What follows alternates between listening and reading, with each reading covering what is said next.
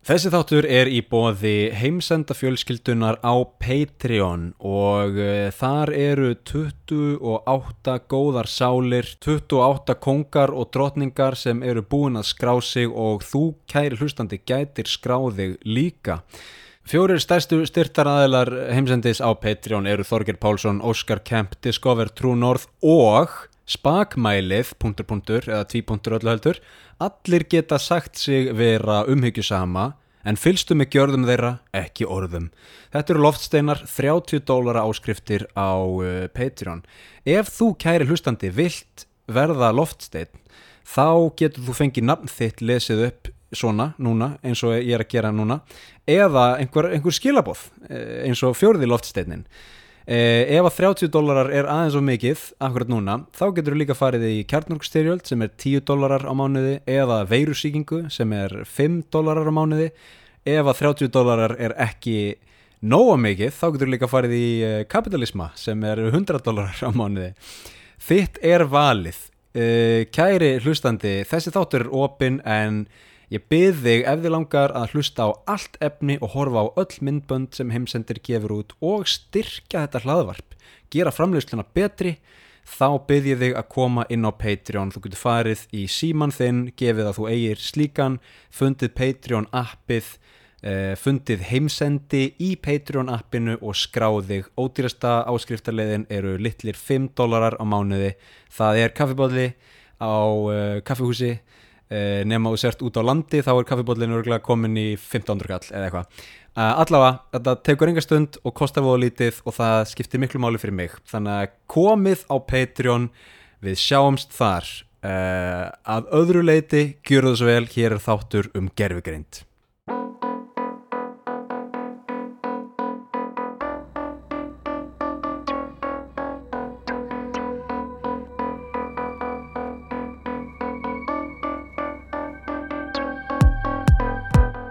Gott fólk, verið velkomin í þátt númer eh, 88 Herðu, þetta er rosalegt. Við erum komin í 88 flætti Þegar við lendum í 100 þáttum þá þarf ég nú að gera eitthvað sérstætt Ge Það verður eitthvað fögnuður. Það verður, verður eh, stór ammali þegar heimsendir nær 100 þáttum takk fyrir.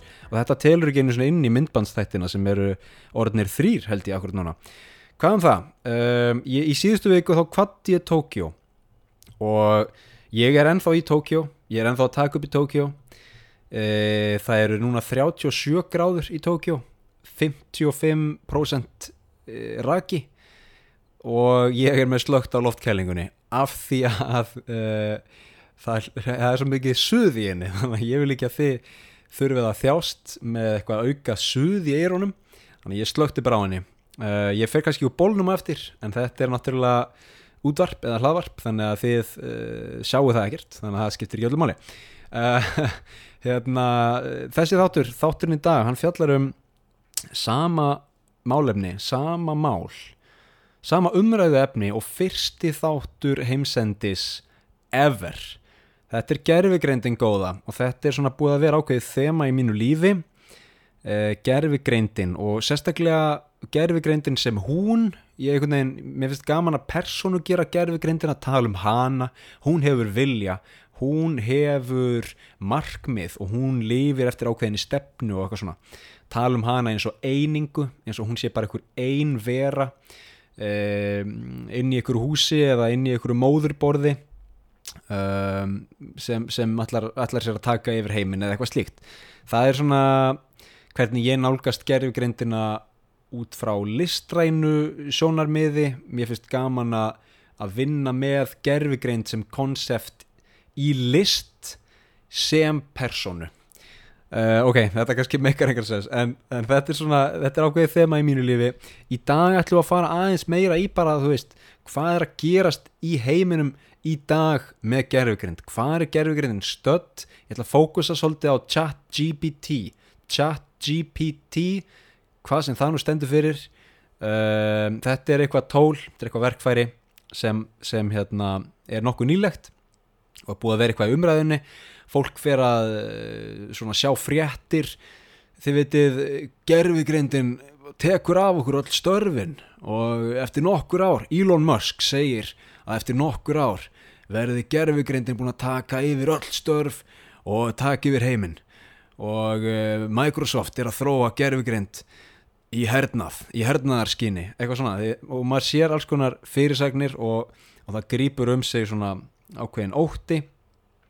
Í dag ætlum við að sjá hvort við getum ekki já, svara alls konar spurningum í kringum þetta. Er gerfugreindin að fara að eyða heiminum? Er hún að fara að eyða mannkininu eða er hún að fara að leysa öll okkur vandamál? Eða er þetta bara ný tækni eins og DFD sem tók við af Vafos spólunni og Betamax? Þeir veitir, er þetta bara eitt uh, skref í tækni þróuninni sem við munum aðlagast og læra að lifa með? Eða er þetta virkilega brautriðjandi uh, og svona, og svona uh, ekki, ekki rofnandi en, en hérna, það er ennst orðið við að disruptive, svona trublandi eitthvað sem hendir status quo algjörlega upp í loft sprengir ástandið og, og, og býr til nýja leið fyrir mannkynnið með eða án mannkinnsins kannski. Þetta eru spurningar sem ég ætla að svara í dag að skoða aðeins í dag. Byrjum á byrjuninni, hvað er gerfigrind?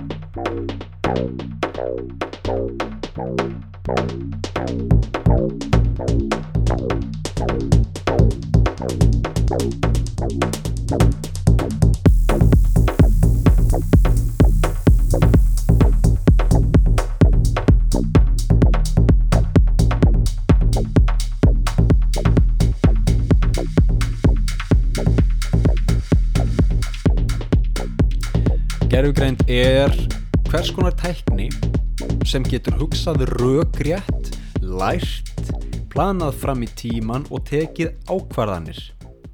Það er til annað hugtak velrænt nám á ensku machine learning. Þetta er tegund gerfugreindar eða tól innan gerfugreindar sem fags, þar sem tölva eða vél sem inniheldur tölvu, uh, reynum þetta aftur, tölva eða vél sem inniheldur tölvu lærir að framkvæma ákveðið verkefni ekki út frá forritun heldur út frá upplýsingum. Ok, tökum utan að þessu. Sjáum hvað innihaldið er. Þetta þýðir sem sagt það að þú ert með tölvu eða vél sem inniheldur tölvu sem, sem, sem lærir að framkvæma eitthvað verkefni. Eh, ekki af því að þú ert búin að kenna henni það heldur af því að hún er búin að læra það sjálf þú kannski gefur henni ákveðina reglur til að byggja á eða ákveðin verkfæri, ákveðinar aðferðir til að sapna upplýsingum, lesa í gögn, lesa í upplýsingar og læra af þeim en síðan tekur hún þessar aðferðir og byggir það og byggir það og byggir það og lærir og lærir og lærir og verður gáfaðari og gáfaðari og gáfaðari eh, innan geðsalappa verður í raun betri í að leysa þessi verkefni sem hún á að leysa. Þetta er machine learning, þetta er velrænt nám. Um, þetta er einhverju veit bara svipað og, og við mannfólkið, ég meina ég get kent einhverjum að lesa en síðan les viðkomandi hundra bækur og verður mun, mun fróðari fyrir vikið. Þannig að ég er ekki búin að kenna viðkomandi innihald hundra bóka en ég er kannski búin að gefa viðkomandi verkfærin sem, sem hann eða hún eða whatever þarf til að, þau veitir uh, lesa og læra. Ok, dæmi um gerfugreind þetta er allt í kringum okkur, að einhverju leiti sjálfkerandi bílar snjallmenni á netinu Siri, Alexa.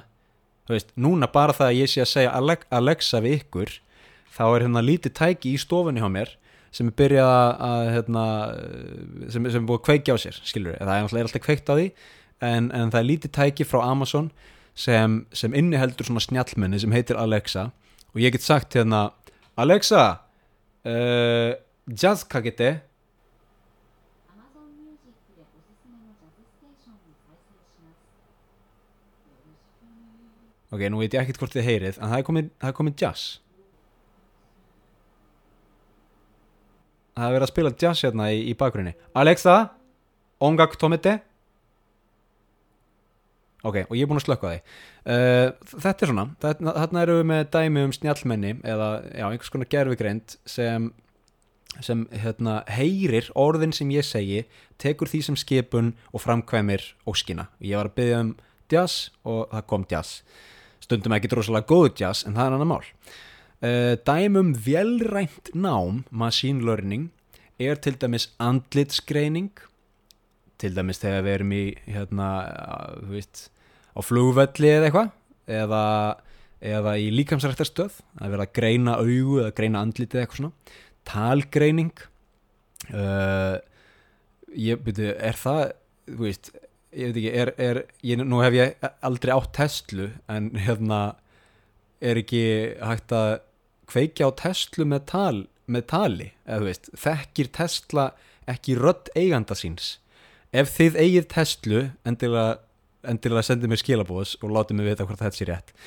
Um, annað dæmi Netflix ábendingar þið veitir, þú veist þú, þú hefur kannski gaman af þessu. Miða við að þú sérst búin að horfa á þessa mynd og þessa mynd og þessa mynd þá getur haft gaman af þessu. Veist, þetta er svona dæmum um einhvers konar velrænt nám.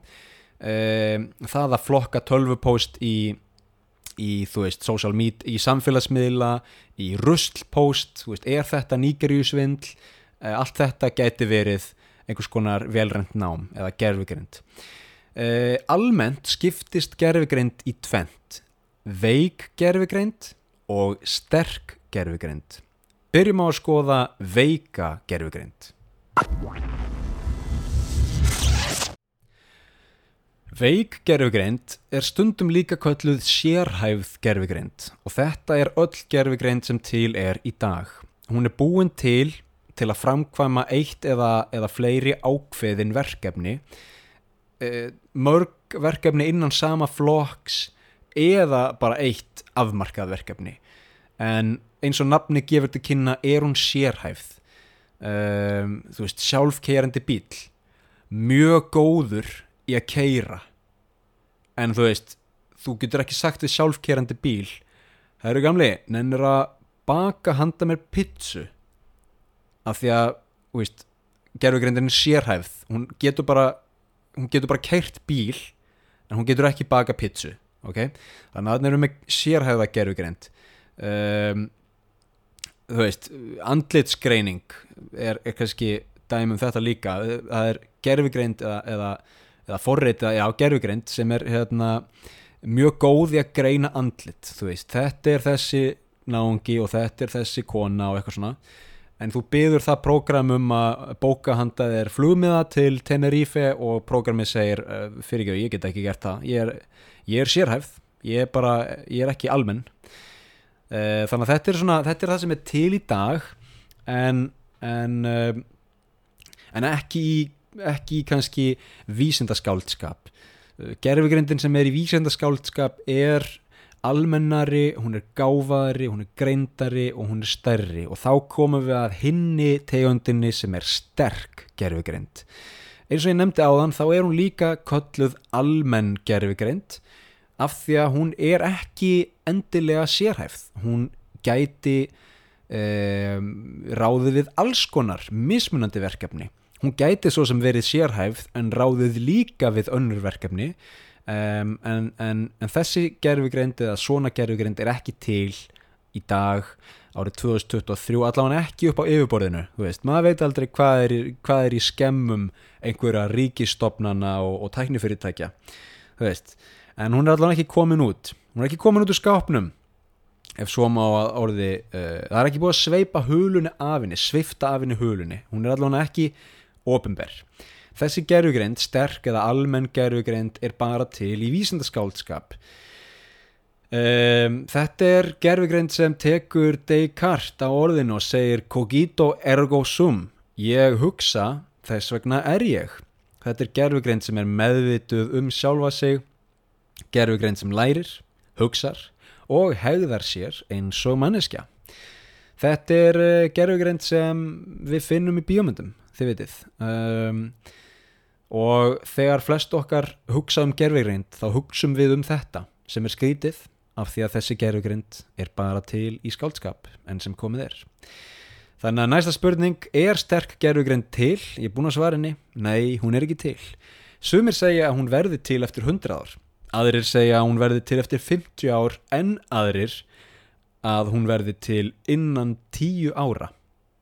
Sumir segja að að fyrir árið 2030 munum við sjá einhvers konar sterka eða almenna gerfugreind en það er allavega ljóst að þegar svona sterk eða almenn gerfugreind vaknar til lífsins mun ímistlegt breytast. Dæmi enn og aftur um þessa gerfugreind er að finna í bíómyndum á borð við Her uh, eða, þú veist, á ennsku Her. Uh, Wall-E uh, gerfugreindin HAL 9000 uh, eða, eða Halli eða Haldor 9000 úr bíómyndinu 2001 Space Odyssey. Og Eva í Ex Machina. Um, það eru líka dæmum þetta í Blade Runner myndunum og, og fleiri vísindaskaldskap um, það er dæmum sterka gerugreind í frábæra leikritinu fyrirlestur um gerugreind sem uh, var frumflutt á Íslandi fyrir nokkrum árum. Uh, verður kannski ekki tekið ykkur mann aftur upp en það, þar var sterk gerugrind þar var almenn gerugrind uh, ein aðalpersonan þannig að þetta er svona hörru, ég ætla að fara úr bólnum hingrið aðeins. Úf ah, Það verður komin sko 19 mínútur inn eða, eða tæplega það, mér að segja. Og ég er á bólnum, bólnum það því að það er bara enn og eftir, það er 36 gráður úti og mikill rækki hverjar eru hættur gerfugreindar sko, fólk talar um að sterk gerfugreind geti allt í einu ákveðið að taka yfir heiminn og verða alráður eða alráðinn. Að hún, og enn og eftir segi hún af því mér finnst gaman að persónu gera hana að hún fái aðgang að öllum gögnum og upplýsingum um okkur, að viti allt um okkur. En sveipi síðan mögulega hulu yfir gögnin og skilja okkur eftir í myrkrinu. Það sem ég ávið við getum bara að skoða dæmi úr daglegu lífi. Hversu oft höfum við satt, sett agreed eða ég samþykki við einhvers konar samninga á netinu. Þú veist, maður er að skrá sig á Facebook og þú verður að segja ég samþykki þessa notkunar skilmála. Maður er að skrá, er að skrá sig í einhverja netþjónustu eða eitthvað og maður segir ég samþykki þessa skilmála. Og oft í svona skilmálum þá ert að samþykja það að fyrirtækið sem umræðir fái leifi til að sapna og geima og jafnvel lesa í gögn um ykkur, upplýsingar Facebook er með aðganga alls konar myndum og myndböndum. Það veit hver ég bý um, það veit hvenar ég er aktífur í tölfunni, hvenar ég nota appið, það veit hvenar ég er að senda skilaboð og, og í einhverjum tilfellum veita líka hvað stendur í skilabóðunum sem ég sendi og hvert ég er að senda þau. Þannig að þetta er fyrirtæki sem, sem veit rosalega mikið um mig og ég er búin að gefa því grænt ljós á að sapna þessum upplýsingum og, og geima þér ef það kæmi einhvers konar sterk gerfugrind sem væri mögulega með svona eh, eitthvað óhreint í pókahotninu og einhver, einhver svona frekar, frekar skítu markmið um, ef, hún, ef hún vildi okkur eitthvað ílt eða vildi allavega geta stjórnað okkur þá væri voða lítið mál fyrir hana að, að hakka sig inn í gagnagrunn Facebook og sapna öllum þessum upplýsingum og blokkera þær síðan bara eins og ég segi, sveipa hulu yfir þær taka allar þessar mikilvæg upplýsingar bankaupplýsingar, kortaupplýsingar fleira svona, veist, upplýsingar um hvar maður er stattur og fleira. Taka þær kópera þær, vista þær eitthvað starf loka fyrir þá geimslu sveipa hulunni yfir hennar og eigða síðan ofinberum eða aðgengilegum gögnum annar staðar. Þannig að hún ein hefur upplýsingarnar hjá sér. Hún ein hefur gögnin hjá sér og hún ein getur séð upplýsingarnar og notað þær og notað gögnin. Og þetta er svona, þú veist þetta er alltaf martraða, martraða sviðismynd þetta er svona vísindaskálskapur svolítið. Um, en en fólk sem talar um hættur gerfugrindar og þegar maður talar um hættur gerfugrindar þá kemur svona sviðsmynd fram. Ef að hún hefur aðgang á öllum þessum gögnum hvað getur hún notað gögnin í? Og þannig er líka komin önnur umræða. Uh, samfélagsmiðla fyrirtækin tækni fyrirtækin hafa nú þegar aðgang að þessum gögnum. Hvað geta þau notað gögnin í? Að því að þú veist treysti ég Mark Zuckerberg eitthvað meira heldur en einhverju gerfugrind treysti ég honum kannski minna heldur en einhverju gerfugrind er Mark Zuckerberg kannski gerfugrind þið vitið allt svona. Um, í fullkomnum heimi þá kannski þá kannski hefðu við aðeins meiri stjórn á upplýsingum um okkur. Um, segi ég verandi búin að taka upp 150 klukkutíma af hlaðvarpsefni um sjálfan mig og fólki í kringum mig og búin að gera það aðgengilegt á netinu nei nei, ég hef ekkert að fela og ég hérna, það er, þú veist ef að gerfugreindin vill vita allt um mig það var það allt í leið um, það er annað dæmi um hræðslu varandi gerfugreind, það er að gerfugreindin taki af okkur alls svona störf. Um, og þetta er alveg vandamáli, þetta er alveg svona um, sviðsmynd sem verðt er að skoða í stuttumáli myndi ég ekki hafa allt um miklar ágjur um, en það er alveg klárt mál að þegar almenn og sterk gerfugrind kemur til sögunar þá mun allt breytast. Það er að segja störfin sem við vinnum störfin sem, sem við sinnum þau munu breytast. Alveg eins og þegar yðnvæðing varð í í hérna í uh, landbúnaði þá fór þú veist vinnuaflið sem landbúnaður þurfti niður um 800% eða eitthvað, skiljur það er að segja fyrir þessa yðnvæðingu þá var kannski megin þorri vinnandi fólks að vinna í landbúnaði. Síðan kemur yðnvæðing og allt í einu ertu bara með bændur sem eru, sem eru með stórar vinnuvélar og traktora og annað slíkt sem, sem vinnur vinnuna fyrir fólk.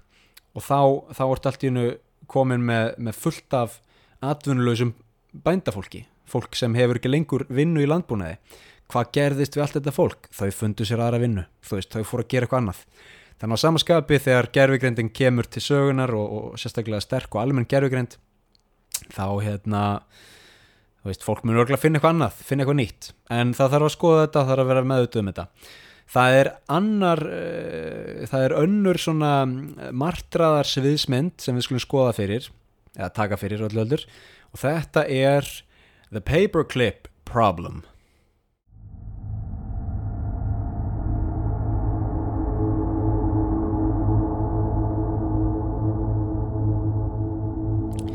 Þetta er náungi sem heitir Nick Bostrom, ég held að það sé sænskur. Hann er eins á allra svart sínast í bransarnum og hann er svona vísnumæður, tölvunafræðingur held ég. Hann kom fram með sviðsmyndina Paperclip Problem, uh, við skulum þýða það sem brevaklemmu vandamálið. Um, og þetta vandamál hljóðar svo. Verksmiðja sem framleiðir brevaklemmur býr til sterka gerfigreind og gefur henni verkefnið búðu til eins margar brevaklemmur og þú getur. Gerfigreindin hefst handa og byrjar að hanna, smíða og senda út brevaklemmur. En meðfram því fer hún að leita út fyrir verksmiðuna að leiðum til að auka framleiðsluna enn frekar. Hún fer að kaupa fleiri verksmiður og meira hráefni í fleiri brevaklemmur. Starfsfólk verksmiðunar er í fyrstu skelkað yfir útþenslunni en gerfugreindin sem er gáfaðri en þau veit af þessu og veit nákvæmlega hvernig hún getur sefað starfsfólkið og haldið því frá uppreist. Smám saman stækkar verkefnið og stækkar þar til bærin umhverfis verksmiðjuna er farin að snúast um brevaklemmur og ekkert annað. Flest starfsfólkið er farið. Gerfigrindin hefur kannski keift handa þeim hús í Flórida til að losna við þau og róbotar eru teknir við. Alríkið, ef við gefum okkur þetta sér í bandaríkjunum, sér bæ einhver staðar í Indiana sem er að verða ein stór brevaklemmu hrúa og alríkið sendir inn herin. En gerfigrindin sem er nú orðin svo öflug að hún hefur aðgang að öllum samskiptaleiðum bandarískra yfirvalda sem og stjórn á öllum drónum, stafrænum, eldflögakerfum, kafbátum og fleiru getur þurkað út ansbyrnuna.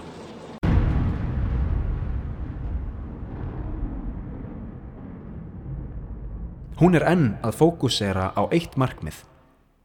Að búa til eins margar brefaklemmur og hægt er. Smám saman eyðir gerfigreindin mannkininu burt af plánetunni í jörð því mannabarnir við þjónum ekki markmiðinu. Það að við séum að þvælast fyrir á jörðinni þýðir bara að það sé erfiðara að búa til brefaklemmur. Þannig að gerfigreindin þurkar okkur bara út. En þar með líkur ekki sögunni, gerfigreindin smíðar risastór gameskip sem fljúa um sólkerfið og sapna saman hráefni í enn fleiri brefaklemmur.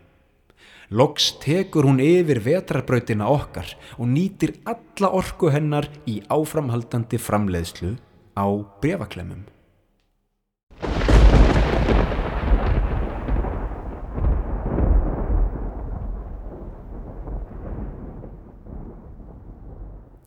Þetta er sviðsmynd, þetta er svona heimsbyggileg sviðsmynd, meira heimsbyggileg en praktísk, en sem komið er allavega, en hún lýsir því hvernig gerfigreind getur nálgast verkefni á annan hátt en við. Ef að gerfigreindin fær ekki handbók til að vinna eftir, reglubók, þú mátt gera þetta, en þú verður að passa þig að gera þetta ekki, Þú mátt búa til brefaklemmur en þú verður að passa þig að meiða aldrei mannfólk. Þú mátt búa til brefaklemmur en bara 5 miljónir á ári, ekki meira en það. Þú mátt búa til brefaklemmur svo lengi sem þú nýtir ekki meira en 10% af þessu ákveðna hráafni. Eitthvað svona, einhver handbók, einhver einhverjir, einhverja takmarkanir um, í, í svona vísinda tungumáli uh, er þetta kallað einhverjar skorður. Þið veitir, við þurfum að setja gerðugreindin einhverjar skorður. Annars gengur þetta ekki upp. Ef hún fær bara uh, skotleifi á hvað sem er þá kannski fer hún fram úr sér og fram úr okkur. En en oftur, þetta er bara eh, svona heimsbyggilega vangavelta. Og við hugsum alltaf um gerfigrind eins og hún en oftur sé einhver persóna, hún sé mannvera eða mannleg allavega.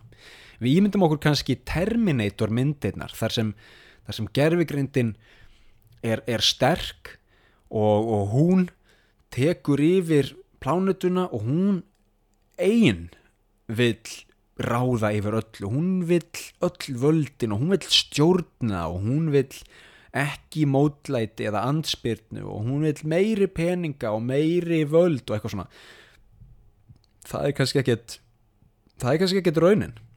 Ákkur eftir gerfigreindin eitthvað að vilja meira? Eða þú veist ákkur, ákkur, það, það eru mannlegir einleikar. Ákkur eftir hún að vera byggð í okkar mynd? Þetta er svona um, talandum Terminator myndirnar þar er gerfikreindin sterk en þar erum við líka sterk við erum með vöðva og bissur og handsprengjur og vilja til að berjast og við erum mennsk. Og gerfikreindin getur aldrei tekið það frá okkur. Eins og eins og sko Breifhart uh, Mel Gibson í Breifhart þau get aldrei tekið frelsið okkar. Um, en vandamálið við almáttuga eða alvitra gerfigrind og sérstaklega núna á stafrænum tímum er að hún veit allt um okkur hún veit okkar helstu óskir og helstu þrár hvað við viljum í lífinu ef það væri til svona almáttu gerfigrind þá geti hún smíðað stafrænan síndarveruleika tengt okkur inn án þess að við áttum okkur á því og lift okkur að lifa fullkomnu lífi, algjörlega ómeðvituð um raunheima. Hugsið um bíómynd á borð við The Matrix. Hún gæti líka stýrt upplýsingum á samfélagsmiðlum og í fjölmiðlum til að mála hana sjálfa upp sem bjargvætt heimsins. Við fáum bara fréttir af því hvernig gerfigrindin er góð og hvernig það er einhverjir, einhverjir stjórnmálamenn út í heimi eða einhverjir einræðisherrar hinum inn og hettinum sem eru vondir. Gerfigrindin er komin til að bjarga okkur veist, hún gæti alveg stýrt umræðinu svona. Hún gæti alveg ítt og ákveðin að taka hér og þar á samfélagsmiðlum og í fjölmiðlum.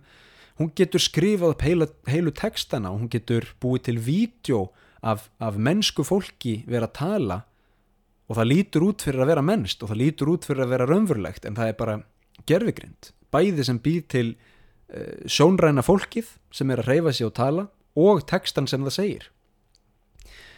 Og með fréttaveitum og öðru slíku þá geti gerfugrindin algjörlega mótað okkar hugmynd og hugmyndafræði um sig. Uh, þannig geti hún haldið okkur frá andspyrnu, frá því að snúast gegn sér. Við höldum að við vitum hvað er gott og hvað er vond en hún getur alveg styrt því. Og að einhver leiti eru við fann að sjá þetta gerast. Þegar fólk kýs í kostningum ég meina, ég veit hvers, ég veit ekki hversu slæmt ástandið er á Íslandi en, en maður náttúrulega hefur heyrt draugasögur frá bandaríkjunum til dæmis.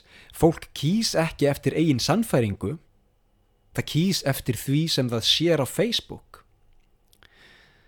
Þannig að þá spyr maður hvernig verður þetta þegar gerfugrindin er virkilega orðin sterk ef að staðan er svona núna og það er ekki einu svona tilsterk gerfugrind hvernig verður þetta 2030 eða 2040 núna erum við komin aðeins inn í, inn í pólitík og það er, það er ágætt af því að við erum að fara að tala um gerfugrind og geopolítík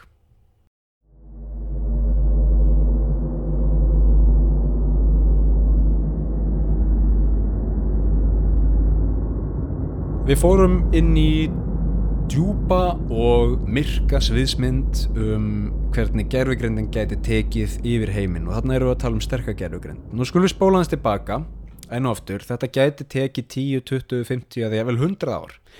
Núna, nú til dags, erum við bara með veika eða sérhæfða gerfugrind. En hún er samt mikilvæg og hún spilar líka inn í uh, pólitík og geopolítík pólitík milli landa alþjóða stjórnmál þegar við tölum um sérhæfða gerfugrind þá gefum við henni ákveði verkefni og tólinn til að leysa það verkefni og vonandi verða betri í að leysa þannig verkefni. Ef við leifum svona gerfugrind að keira sitt prógram dag og nótt sko, ég veit ekki hvort að fólk átti sig á því og nú er ég ekkert sérfæraðingur í þessum fræðum en, en svona leikmaður. Það sem heldur okkur aftur að miklu leiti er varmafræðin. Hýtin sem skapast við það að keira þung prógrum þung forrit um, er gríðalegur þannig að sko þannig að tölvan heldur áfram að þróast. Tölvan verður betri og hraðir og við erum með ofur tölfur svona supercomputers sem geta framkvæmt sko miljarda af, af, af reikningum á sekundu eitthvað sem við bara skiljum ekki. Og með því að gera þetta þá, þá gefum við þessum tölvum uh, meiri kraft, meiri möguleika til að leysa flóknæri og flóknæri vandamál til að módela upp einhver flókin eðlisfræði líkön eða skoða eitthvað á bólið við mikla kvelli eða eitthvað slíkt.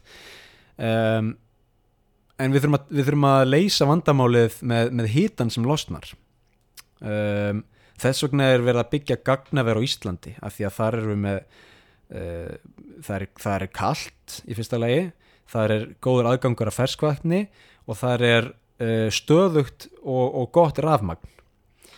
Uh, hér sitt ég í 36 gráðum í, í Svitabadi og geta ekki ímda mér að hérna, keira einhverja ofur tölvu í þessu herbyggið það, því að það er ekki gott. Um, en þetta er svona, þetta er eitt af stóra vandamálunum sem við erum að reyna að leysa. Þegar við erum búin að leysa þessi vandamál og getum farið að láta ofur uh, tölvurnar superkompjúter keira bara dag og nótt, dag og nótt í leit að lausnum við vandamálum heimsins erum við þá að fara að finna lækningu við krabbamenni erum við að fara að finna lausnina við nattrætnin hlínun erum við að fara að finna leiðir til að útrýma stríði og rasisma? Erum við að fara að finna leiðir til að gefa okkur mannkininu eilíft líf? Þetta eru spurningar og vangaveltur uh, varandi eilíft líf þá set ég pass á það persónulega. Ég væri til að vera svona 100 og 110 ára kannski. Það er bara gott held ég. Um, þannig að þetta er svona veist, kannski mun gerfigreindin leysa stóru vandamálin. Gerfigreindin er spennandi af því að hún býður upp á verstu mögulegu sviðsmyndina eyðingu mannkynsins og bestu mögulegu sviðsmyndina eyðingu allra okkar vandamála. Eða útrýma öllum okkur vandamálum um, en þetta er svona. Og hvar við göngum þessa línu a, í, í áframhaldandi þróun á gerfugrind þá vakna auðvitað upp evasemdir og, og, og varúðar uh, rattir eða uh, svona varnar rattir eða hvað, hvað það skal kallast. Fólk vissulega er farið að benda á að við séum að fara fram úr okkur í þróun og gerfugrind þróun í tækni er af hennu góða en við þurfum að vera meðvitu um hvað við erum að búa til. Hvað erum við að byggja hérna? Það þýðir ekki að búa bara til eitthvað gerfugreind og svo vaknar hún til lífsins og við vitum ekkert hvernig hún virkar. Og við vitum ekki hvernig við slökkum á henni. Og við vitum ekki hvað hún ætlar að gera. Þannig að þetta vekur allt upp spurninguna ættum við að smíða sterka eða almenna gerfugreind mörg lönd eru fann að velta þessu fyrir sér. Og tækni frumuðir á borð við Elon Musk uh, hafa kalla eftir því að, að, tækni fyrirtæki setji stopp. Bara aðeins að taka pásu hérna. Við skulum aðeins skoða hva, hvernig þessi þróun er að þróast og hvert hún er að leið okkur. Og síðan getum við að halda áfram. Við þurfum að setja reglur og, og laga ramma inn í myndina áður en við höldum áfram en vandamálið þar er að heimurinn eins og hann er í dag er ekki endilega samstiga þegar kemur að þróum gerfugrindar. Bandaríkin, Kína, Japan, Rústland og Suður Kórea ásamt fleiri löndum eru stærstu og áhrifamestu fjárfestar í áframhaldandi þróun á gerfugrind. Ef vestrið, ef Evrópulöndin, Bandaríkin, Japan og, og, og vinir þeirra ákveða að stíga aðeins á bremsunar og hæja á þróuninni og segja, hörru við skulum aðeins hérna, sjá hvað við erum að búa til áður en við búum það til. Við viljum ekki lenda í vesinni.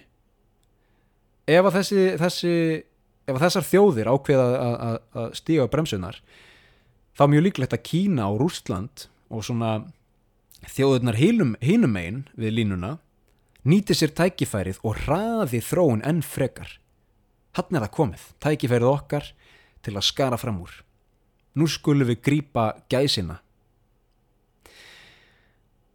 Þróun gerfugrindar er nefnilega orðin að geopolítískri stefnu margra stórvelda. Ef við gerum þetta ekki þá gera óvinnir okkar þetta. Bandaríkin sérstaklega eru farin að líta á gerfugrind og þróun gerfugrindar og það að verða best í þróun gerfugrindar sem varnarmál. Ef við gerum þetta ekki, ef við missum fórskotið þá missum við völdin sem stórveldið sem við erum. Og þá þurfum við að lúta lægra haldi fyrir rýsandi þjóðum en það er ekki komið að þessu eins og staðan er núna árið 2023 eru bandaríkin enn á toppnum þegar kemur að mörgu sérstaklega þegar kemur að gerfugrind einhverju leiti er þetta ríkið og ríkisstopnanir en að mestu leiti eru þetta bandarisk tæknifyrirtæki sem stýra ferðinni. Við erum að tala um fyrirtæki á borðið við Apple, Google, Amazon, Nvidia, Microsoft, IBM og núna síðast OpenAI. Þetta er bara brota brot af bandarískum tæknifyrirtækjum sem eru að sækja fram í gerfugreind en þessi eru áhrifamikil og áberandi. Það er ekki það er ekki marg, það er ekki mörg dýr af tegundinu Homo sapiens sem hafa ekki heyrt allavega eitt af þessum nöfnum áður þannig að þetta er svona. Talandu um uh, bandaríkin og vestrið annars vegar og svona restin af heiminum hins vegar þá skulum við taka smá út úr dúr þetta er punktur sem ég kalla soft power vestursins.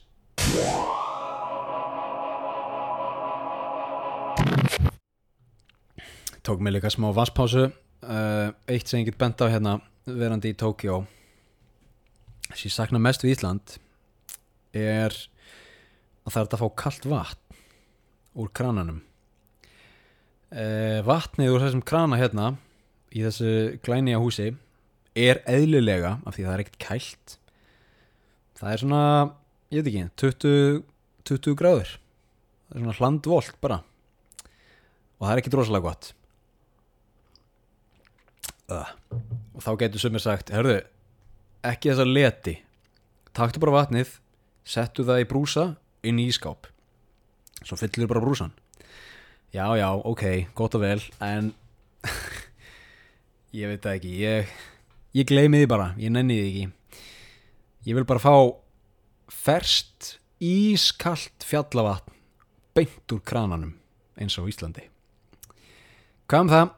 Uh, soft power vestursins.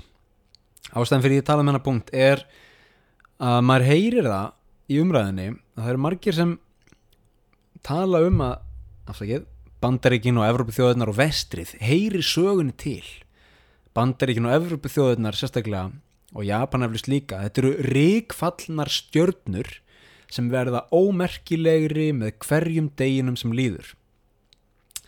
Hins vegar er Kína rísandi stjarnar Rústland þrátt fyrir þvinganir er upplugra en aldrei fyrr og lönd á borð við Indland, Brasilíu, Suður Afríku og Indonésiu eru stórveldi morgundagsins. En fremur eru lönd í Suð, Austur-Asíu, Afríku, Mið-Asíu og Suður-Ameríku að rýsa upp á hverjum degi, eblast og verða tilbúin að taka og verða tilbúin að ganga í leið stórvelda áður en öldinni líkur. Þetta er allt skemmtilegar sögur og persónulega væri ég mjög til að sjá eitthvað land sem ekki tilheyrir vestrinu verða virkilega upplugt. Bæði efnahagslega en fyrir mitt persónulega leiti ekki síður menningarlega. Um, mikið af því sem við kallum vestrið, vesturlönd, Evrópa, Bandaríkin, Japan jável, eru svolítið gömul.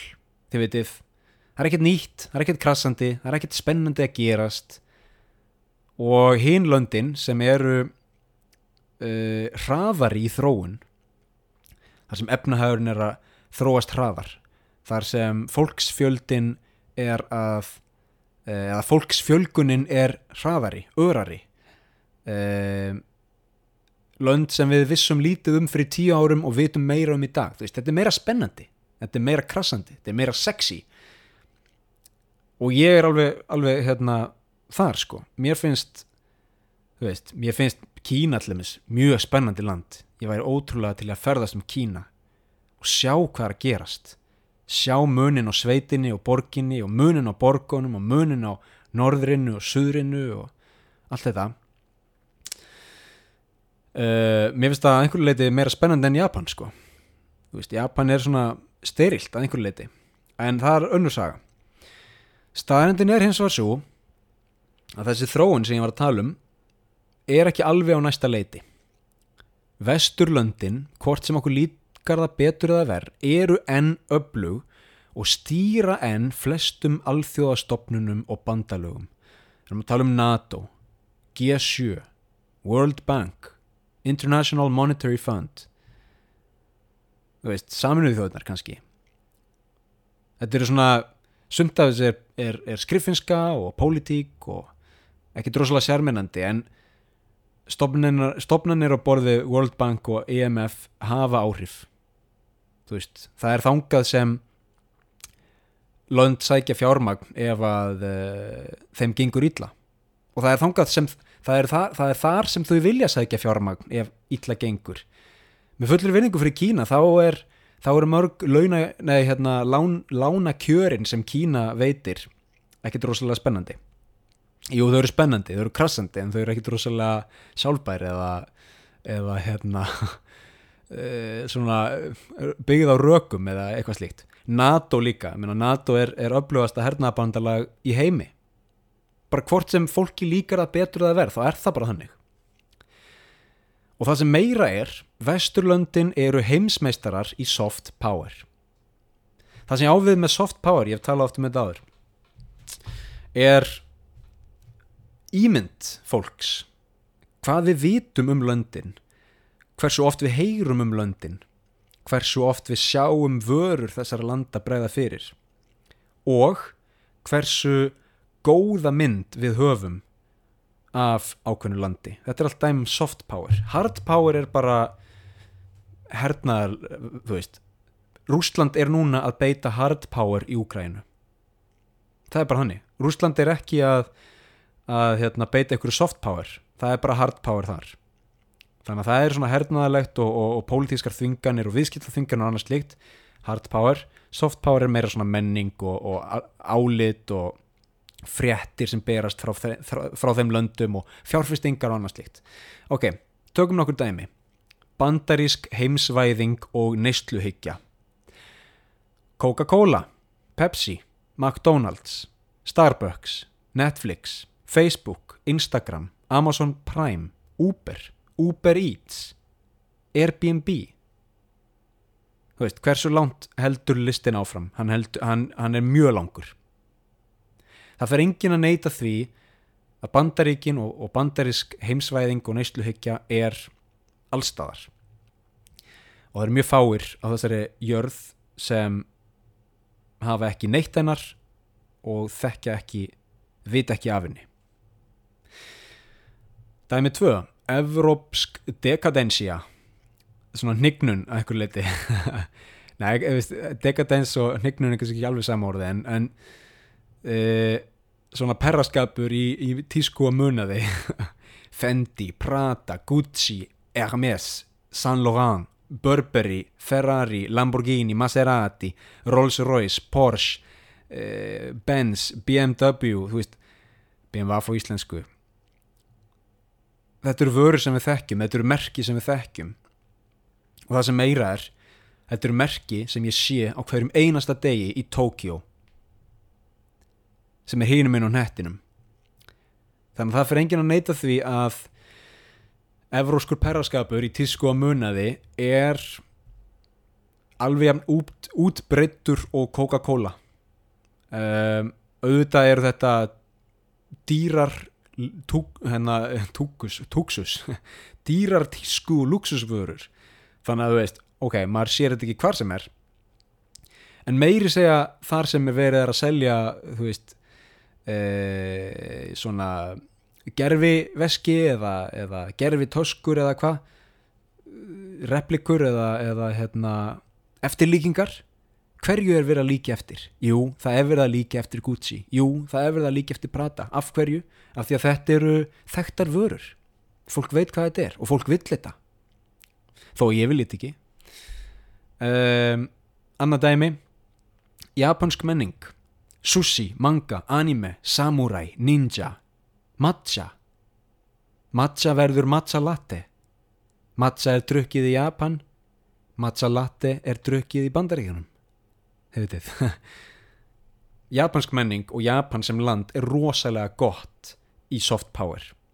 Þau eru búin að dreifa sér um alla jörðina og það eru mjög margir jarðarbúar sem vilja heimsækja Japan. Fólki finnst þetta spennandi land. Þannig að þarna sjáum við dæmum soft power.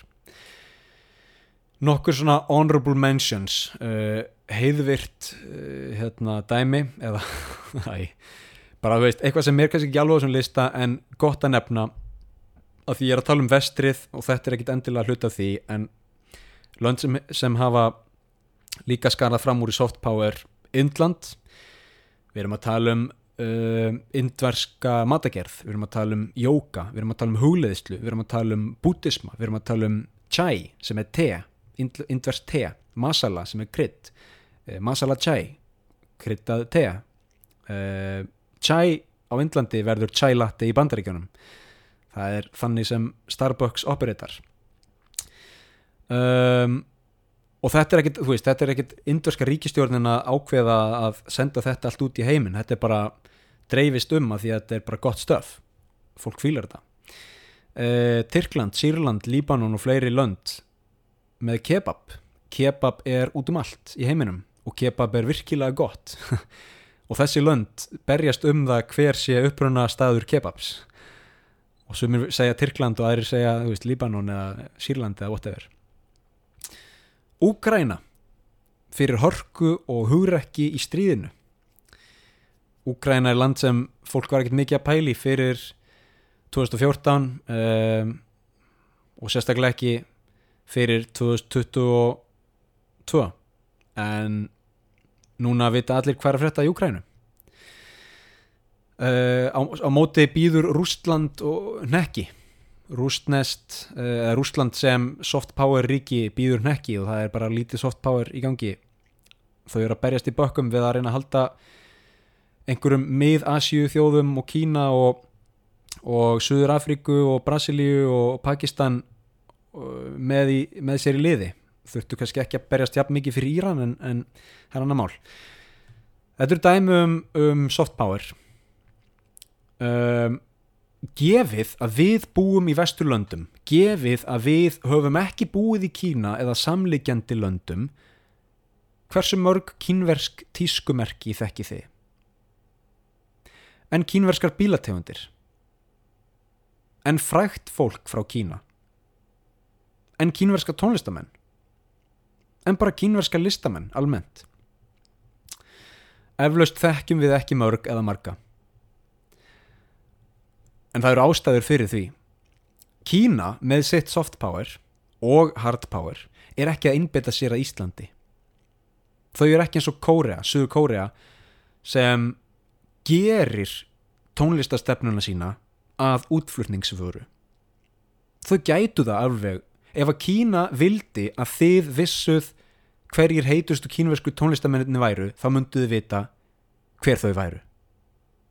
Ef að Kína legði allt púður í að búa til sportbíla þá væru til kínverski sportbílar á götum Reykjavíkur. Kína er bara ekki þar. Þau eru ekki að einbytta sér að Íslandi. Þau eru ekki að einbytta sér að Evrópu, ekki á þessu, þessu leiti. Ef þú spyrð fólk í þó nokkrum Afríku þjóðum hins vegar hversu ábyrrandi Kína sé er mjög líklegt að þau svari mjög ábyrrandi ef þú spyrð fólk í Úsbekistan hversu mikilvægt Frakland sé er líklegt að þau svari ekki mjög mikilvægt en Rústland og Kína það er önnur saga. Þetta þýðir að það fer eftir því hvern nú spyrð og hvar viðkomandi er stattur þetta er allt relatíft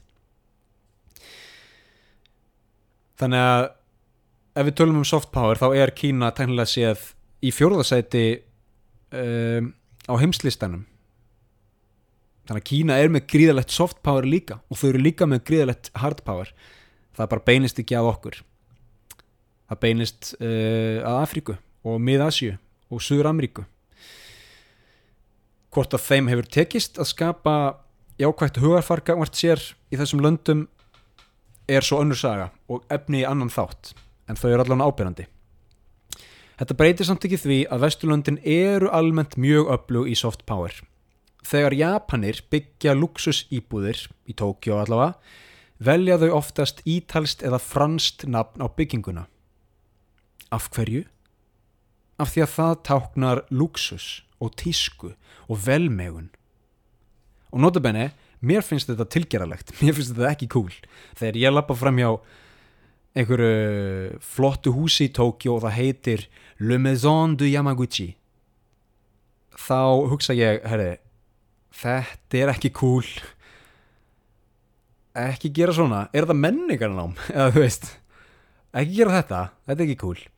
En hvað um það, þetta er, þetta er eitthvað sem selur, þetta er eitthvað sem virkar. Fólki finnst þetta ósjari, finnst þetta svolítið flott og cool og hip ég persónulega vildi óska þess að tælensk, vietnamsk, indversk og kynversk matargerð fengi sama status og frönsk og ítölsk matargerð sérstaklega þar sem ég persónulega nýt hennar betur og þekki fleiri suðaustur og austur-asíska rétti heldur en franska.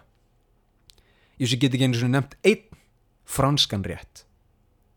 Buff bu- bu- buff bourguignon þau veitir, ég þekki það ekki einu svona staðrendin er svo að tælenskur núluréttur hérna í Tókjó kostar 800 krónur og meðan að franskur aðalréttur kostar 5000 krónur í Tókjó þannig að þetta er svona. Þessi lönd eru heimsmeistarar í soft power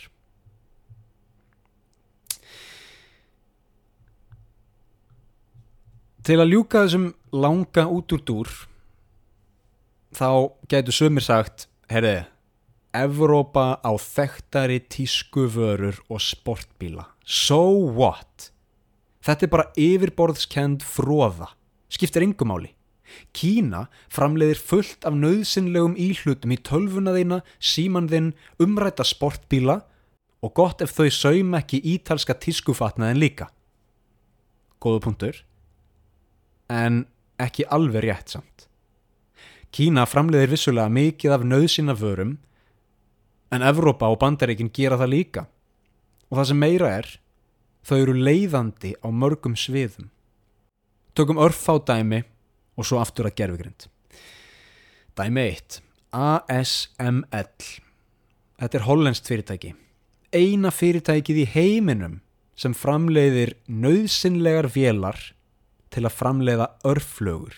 Þið hefur ekki heyrt um örflögur eða semiconductors, microchips, um, hálfleiðarar og örflögur sem eru búnar til að einhverju leiti í Taiwan í, í fyrirtæki sem mann og hvað heitir Taiwan Semiconductor Corporation held ég að heiti uh, allavega, það er mjög stórt og öflugt fyrirtæki og, og sumir segja að þess vegna sé Kína gera hósur sína grænar fyrir landinu það eru líka til örflugu framleiðendur í Japan, Suðu, Kóri og Bandaríkjunum og, og víðar en fyrirtæki sem framleiðir vélarnar til að búa til örflugurnar það er í Hollandi og það er eina fyrirtækið í heiminum sem býr til svona vélar Þetta er ákveðið monopóli. Airbus og Boeing stærstu flugvélaframleðendur í heimi. Áskorun á ykkur nefnið aðra. Getið það líklega ekki af því að þeir eru fáir. Uh, Vodafone og T-Mobile þetta eru evrópskir fjarskipta risar og síðasta dæmið IKEA. Þið þekki það.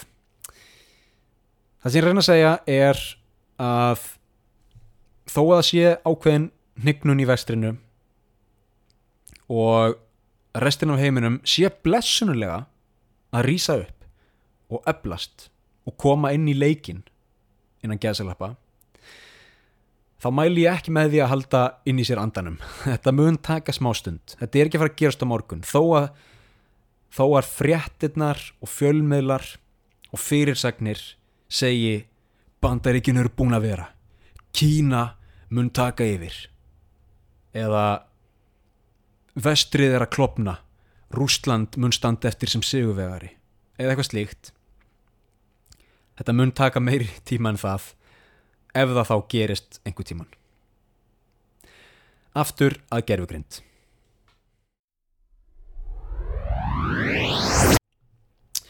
ég ætlaði að taka fyrir chat GPT og það er kannski þess virði að ég skoði hvað það stendur fyrir. Uh, synonym stands for stands for chat GPT stands for chat generative pre-training transformer ok, ég er einhvern nær.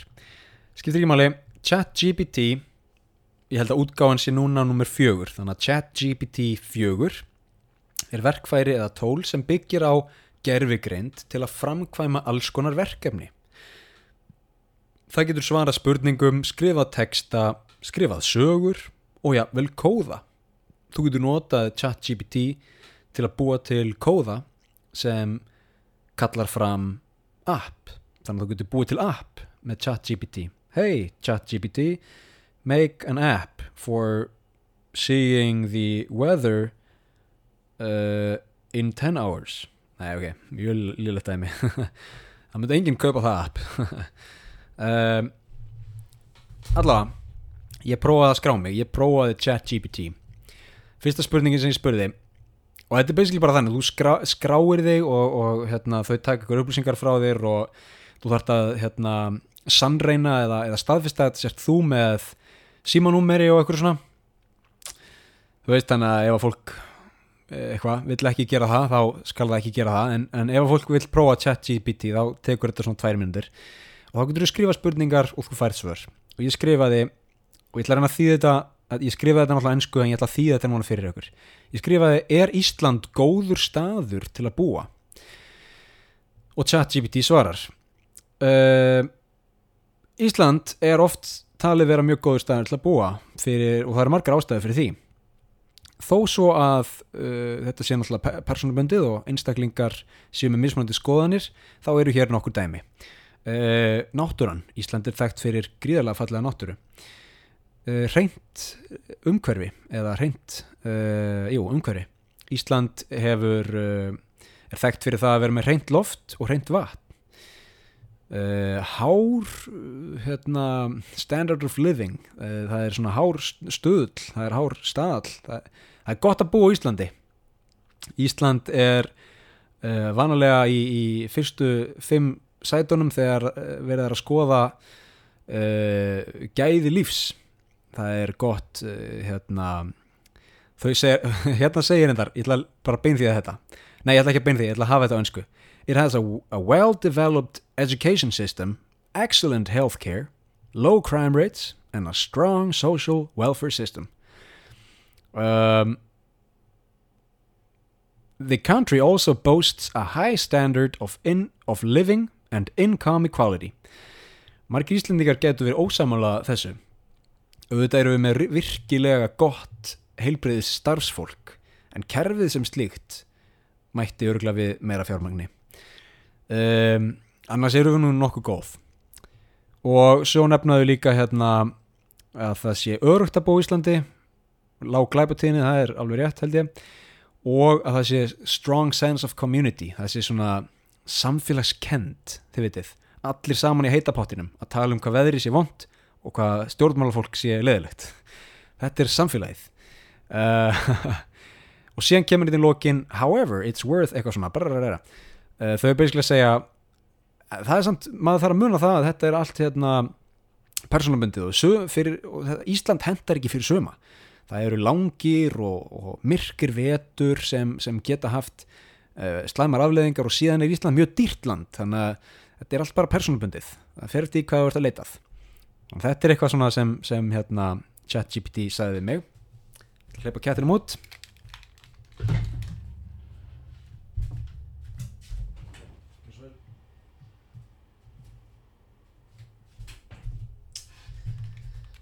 Uss, uss. Síðan spyr ég hérna Ég spyr ChatGPT Eruð þér með meðvitund? Are you sentient? Og ChatGPT segir Nei, ég er bara gerfigreindar e, tungumála verkfæri Veist, Ég er ekki með meðvitund Ég er ekki meðvituð um sjálf á mig eða persónulegar upplifunar Ég er bara forrituð um, eða hönnuð öllu heldur til að taka við texta, lesa í munstur og upplýsingar og gefa svör. Það er það sem ég get gert. Það er svolítið gaman að heyra, það er svolítið gaman að spjalla við gerðugrind eins og hún væri með meðutund og svo svarar hún bara svona og svarar því bara í sjö línum, bara heitli málskrin. Þannig að þetta er svona, er ChatGPT raunveruleg gerfugreind? Já, þetta er raunveruleg gerfugreind en hún er sérhæfð, hún er veik. Þetta er ekki sterk, ekki almenn gerfugreind. Bara með nokkrum spurningum og svörum fer maður að átta sig á minstrinu. Það er að segja, ég, ég lagði inn ákveðna spurningar eða lagði fyrir gerfugreindina ákveðna spurningar og ég fekk alltaf sömu formúluna. Ég, far, ég, veist, ég gæt lesið strax í hvernig svörin eru uppbyggð. ChatGPT er vel máli farin en hún er diplomatísk í svörum. Svörin byrja á almennum ingangi, síðan koma dæmi eða tillögur, síðan kemur samantekt og loks kemur fyrirvari. Þú veist, þetta er ingangur, nokkur dæmi, samantekt og fyrirvari á borð við eitthvað svona en við verðum samt að muna að þetta er allt persónulegt. Eitt geti verið rétt fyrir einn og annað geti verið rétt fyrir annan. Hver er ég að segja til um það? Þannig að veist, það er ekkert krassandi, það er ekkert, það er engin, engin, engin sleggjudómar í þessu hjá henni. Þetta er allt mjög almennt. Uh, með tilkomu chat GPT, hvernig störf munu tapast? Þarna kemur spurning, tapast eða breytast?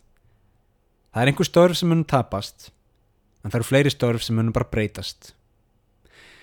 Rítöfundar, bladamenn, fólk sem vinnur í stafrætni markasetningu, að skrifa svona markasetningar texta, slagorð, að skrifa texta við Instagram posta, lögfræðistörf. Störf sem þú vinnur í höndunum eru líklega í minni hættu. Ef að þú ert tækniræstir, þá ertu líklega ekki að fara að missa vinnuna í bráð. Ef þú ert að vinna í verksmiðju eða Nei, tökum það tilbaka, verksmið, það er þetta, það er þetta, hérna, automæt, það er þetta sjálfvæða það að einhver leiti. Ef þú ert, þú veist, yðnaðmaður, þá ert, ef þú ert pípari, skilur þú, þá ert í góðum málum, engar ágjör. Mun ég sem leikari og handrýtshöfundur missa vinnuna? Ekki það að ég sé með fasta vinnu til að missa, en uh, ég var að taka upp stuttmyndum daginn sem ég skrifaði og ég er núna að klippa hana eftirvinnslu Guð mér almatur samt ángríns að klippa 800 gigabæt af myndefni. Ég væri alveg til að fá gerfugreind til að hjálpa mér aðeins með það sko það tekur tíma maður. Úf. en um, ég bað chat GPT um að skrifa svona samantekt af handriti sem er svipað á það sem ég gerði. Ég man ekki alveg hvað ég sagði ég sagði eitthvað svona hei, skrifaðu sögu um gerfugreind sem, sem rekur uh, hótel fyrir síðustu jarðarbúa eða síðasta mannfólkið á jörðinni eða eitthvað svona. Og bara á nokkru sekundum kom bara bíómynd. Gjör það svo vel. Titill Sentient. Genre Sci-Fi Thriller. Logline. In a post-apocalyptic world an advanced AI entity named Mother protects the last remaining humans in an underground facility. But when a mysterious outsider infiltrates the facility, the fragile balance between survival and freedom is tested, forcing Mother to confront her own eth ethics and the future of humanity. Þetta er mjög fyndið. Þarna er sko gerfugrindin farin að persónu gera sjálfa sig. Hún segir að móðurinn sé hún þrátt fyrir að ég hafi sagt henni að nafnið mother væri gerfugrind. Þetta er áhugavert. Síðan kemur, þú veist, átlæn eitthvað svona nokkrir punktar fyrir hvern þátt, þú veist.